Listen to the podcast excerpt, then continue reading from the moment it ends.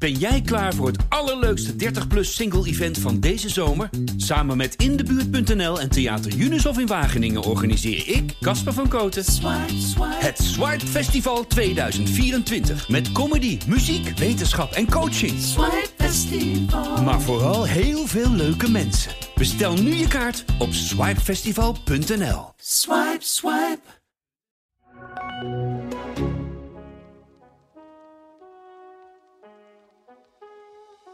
Dit is de Geldichtbij podcast en mijn naam is Bram Verbrugge. Met verslaggevers en experts praten we over geldzaken en al het nieuws dat u en ik in de portemonnee voelen. Deze week praten we door over de stijgende prijzen van boodschappen. Hoe komt het dat de prijzen stijgen en waar kan op bezuinigd worden? Maar eerst gaan we het hebben over de monsterfiles. Die lijken weer helemaal terug te zijn. Aangeschoven is Natasja de Groot, economieverslaggever van het AD.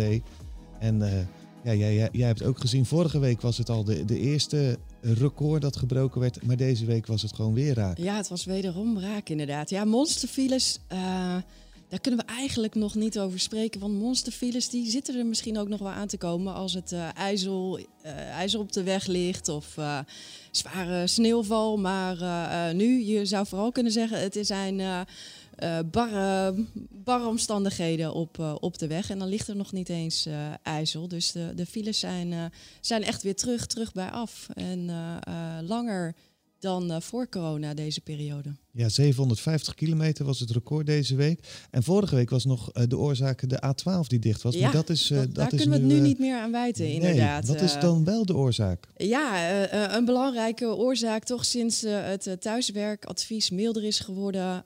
en dat wil zeggen dat we niet meer... Uh, thuis moeten werken als het. Hè, dus dat, dat we de mogelijkheid hebben om, uh, om weer naar kantoor te gaan. Nou, sinds dat is versoepeld, dat thuiswerkadvies, zie je dat veel mensen toch wel in de, in de auto stappen en gewoon weer naar het werk kunnen. En veel mensen hebben er ook echt zin in om weer naar het werk te gaan. En, en deels zijn het ook werkgevers die van hun personeel verlangen ja. dat ze weer naar kantoor komen. Maar ze zullen geen zin hebben in die files. Wat, wat kunnen we daar nou aan doen? Ja, goede vraag. Ik kan me niet voorstellen dat iemand voor zijn lol inderdaad in de file gaat staan. Wat we daar aan kunnen doen, ik denk dat er een belangrijke is. Uh, uh, uh, om gewoon wat later te vertrekken van huis. Hè? Want om tien uur dan is het al een stuk rustiger op de weg. Uh, dan uh, vermijd je de, de ernstigste uh, drukte op, op de weg. Dus begin gewoon s ochtends, check je mail, doe de dingen die je kunt doen en vertrek wat later. Maar dat, dat klinkt simpel, maar niet alle werkgevers zullen dat.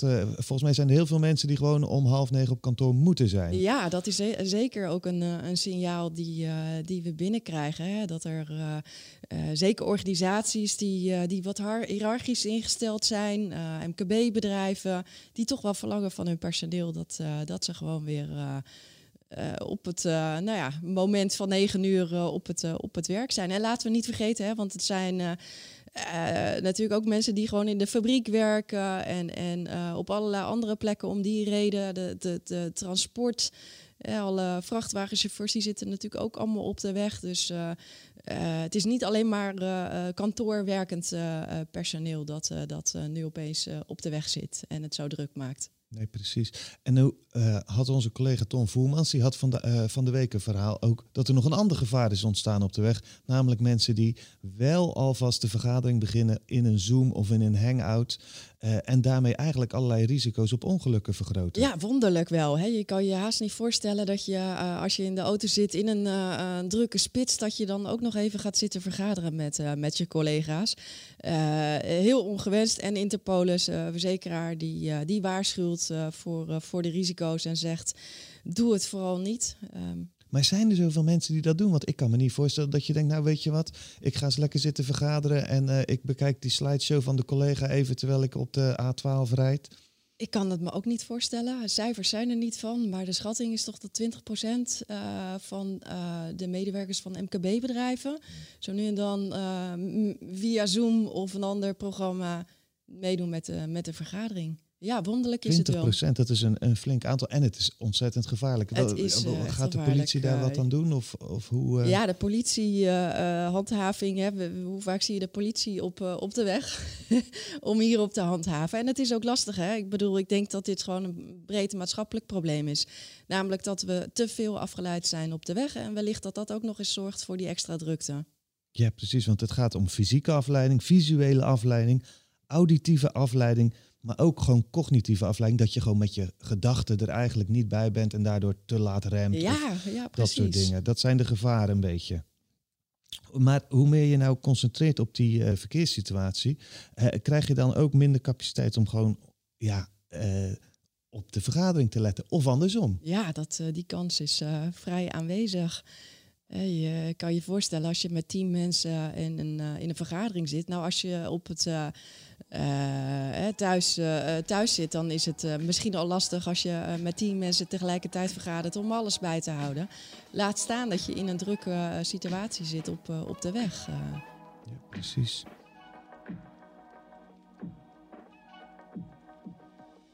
Natasja, en als iedereen dan veilig op kantoor is aangekomen, ja, dan blijkt het na thuiswerk coronatijd nog best even wennen. Ja, dat kun je je misschien ook wel wat bij voorstellen.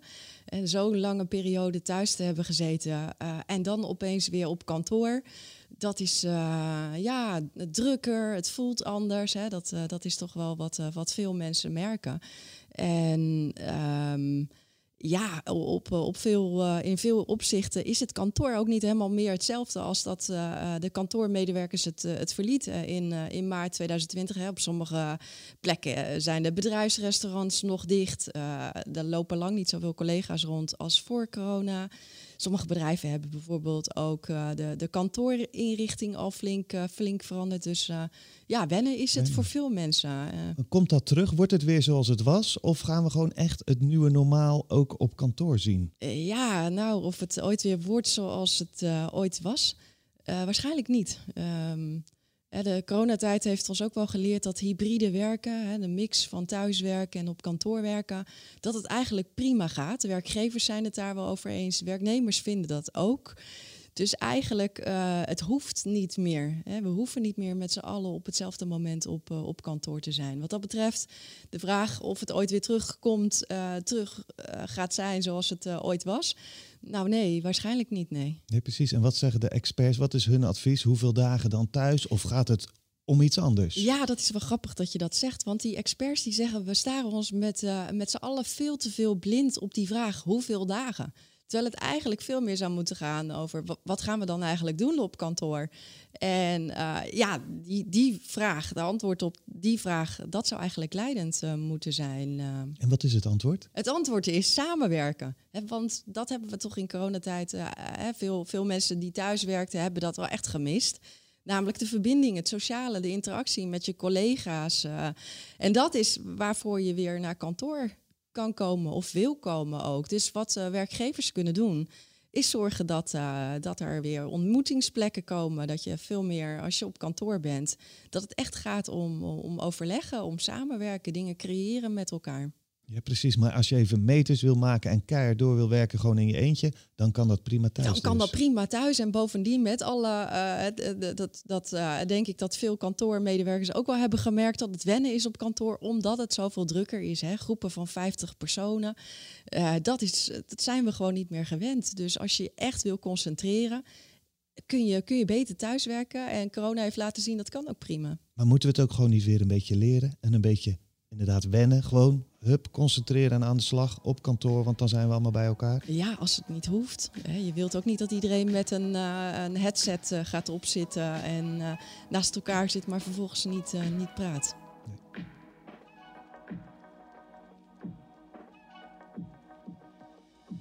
Boodschappen zijn tijdens de eerste negen maanden van dit jaar flink duurder geworden. En dat is vooral frisdrank, bier, conserven Verzorgingsproducten ook en schoonmaakartikelen. Het steeg allemaal fors in prijs. En die stijging blijkt uit een inventarisatie van marktonderzoeker GFK. Ik spreek hierover met Sanne Schelfhout, retail-expert van het AD. Wat is nou de oorzaak van al die duurdere boodschappen? Nou, even kort door de bocht. Het is de balans in vraag en aanbod is eigenlijk verstoord. Dat is het korte economische antwoord. Maar wat zit er nou achter? Dat heeft vooral te maken met de enorme stijging van landbouwprijzen. dus producten uit de, uit de landbouw, zoals suiker, zoals plantaardige olie, zoals vlees.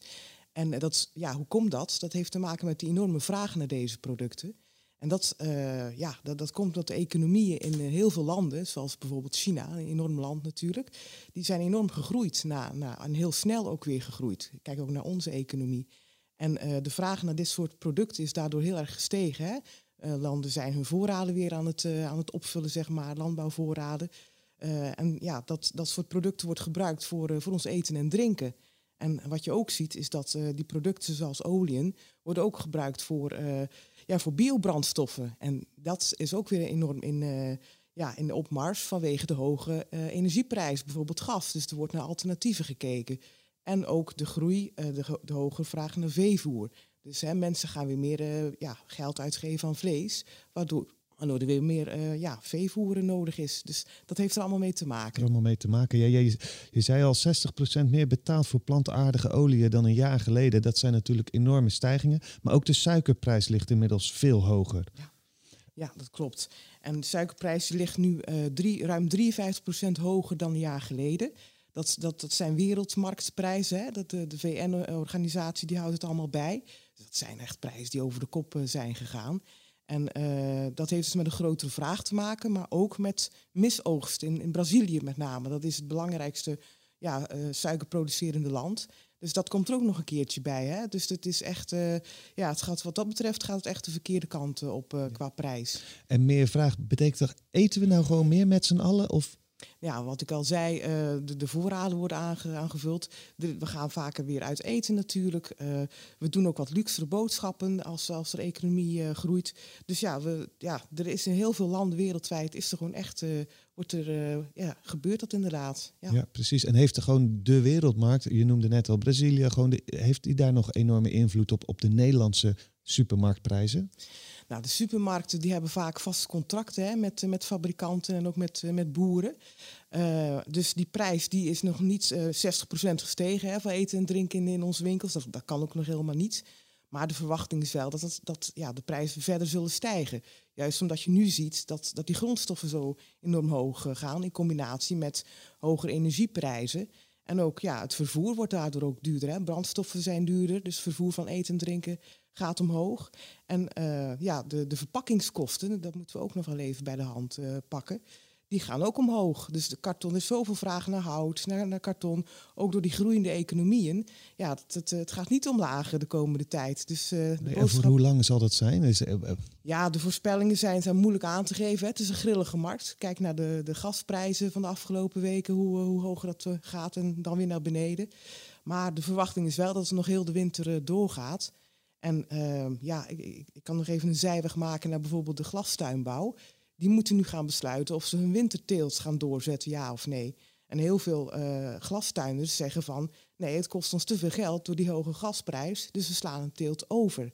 En dat, bete ja, dat betekent dat er gewoon minder kasgroenten zullen zijn... zoals paprika's, zoals komkommers...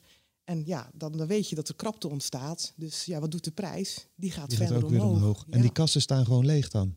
Ja, die gaan, uh, een deel van, van de tuinders heeft nu al gezegd van het is een duivels dilemma als je moet kiezen tussen uh, of enorme ja, prijs voor, voor, voor hun om te, om te produceren.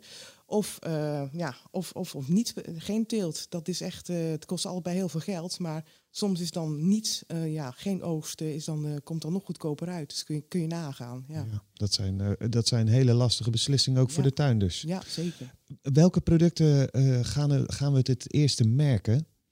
Ja, wat je nu dus, uh, dus ziet, hè, je noemde daar net al een paar op. Uh, bieren zijn een opvallende. Hè? Dat heeft trouwens niet alleen met, met die wereldmarkten te maken, maar ook met het feit dat, uh, dat er geen, stunt, geen reclamestunts meer mogen worden gehouden hè, door, de, door de winkels. Het heeft met de nieuwe alcoholwet te maken.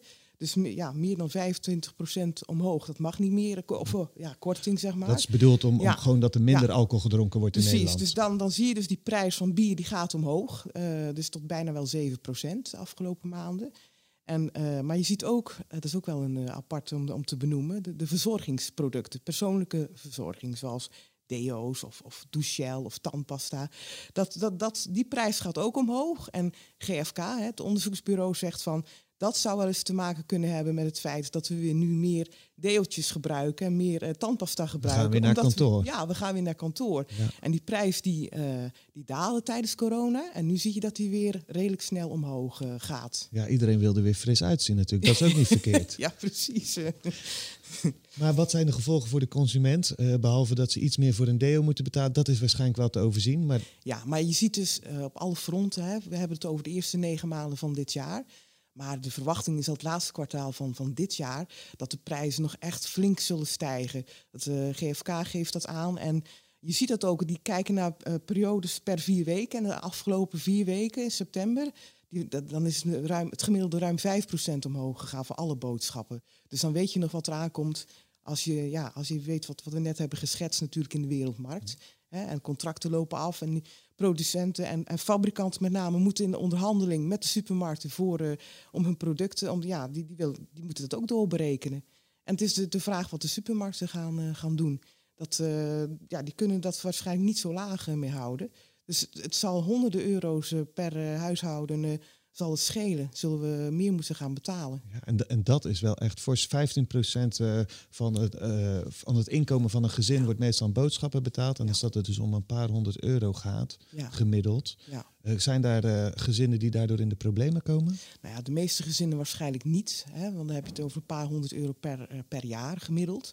Maar de lagere inkomens, dat is echt een, een stapeling van hogere kosten. Hè. We, sommigen die betalen natuurlijk veel meer voor hun energierekening uh, en dan komt dit nog een keertje bij.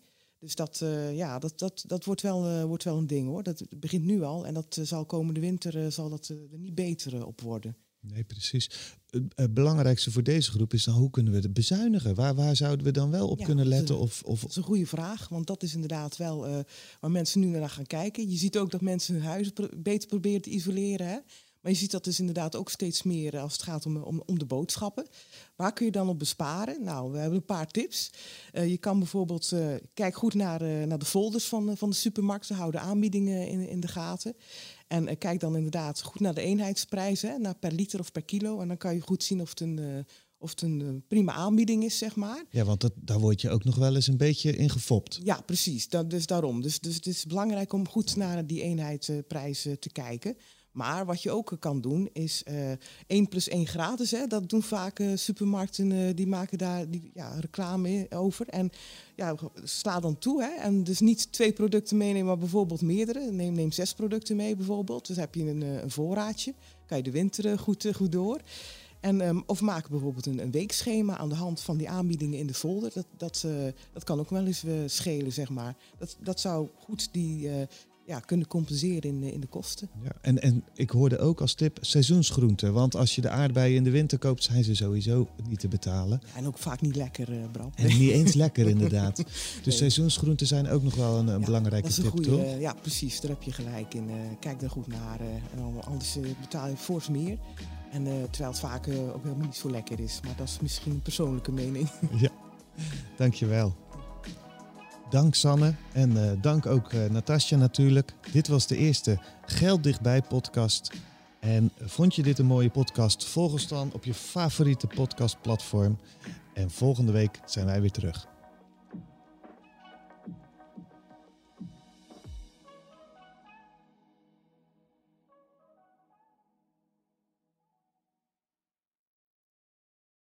Ben jij klaar voor het allerleukste 30-plus single-event van deze zomer? Samen met Indebuurt.nl en Theater Junushof in Wageningen organiseer ik, Casper van Koten, het Swipe Festival 2024. Met comedy, muziek, wetenschap en coaching. Swipe Festival. Maar vooral heel veel leuke mensen. Bestel nu je kaart op swipefestival.nl. Swipe, swipe.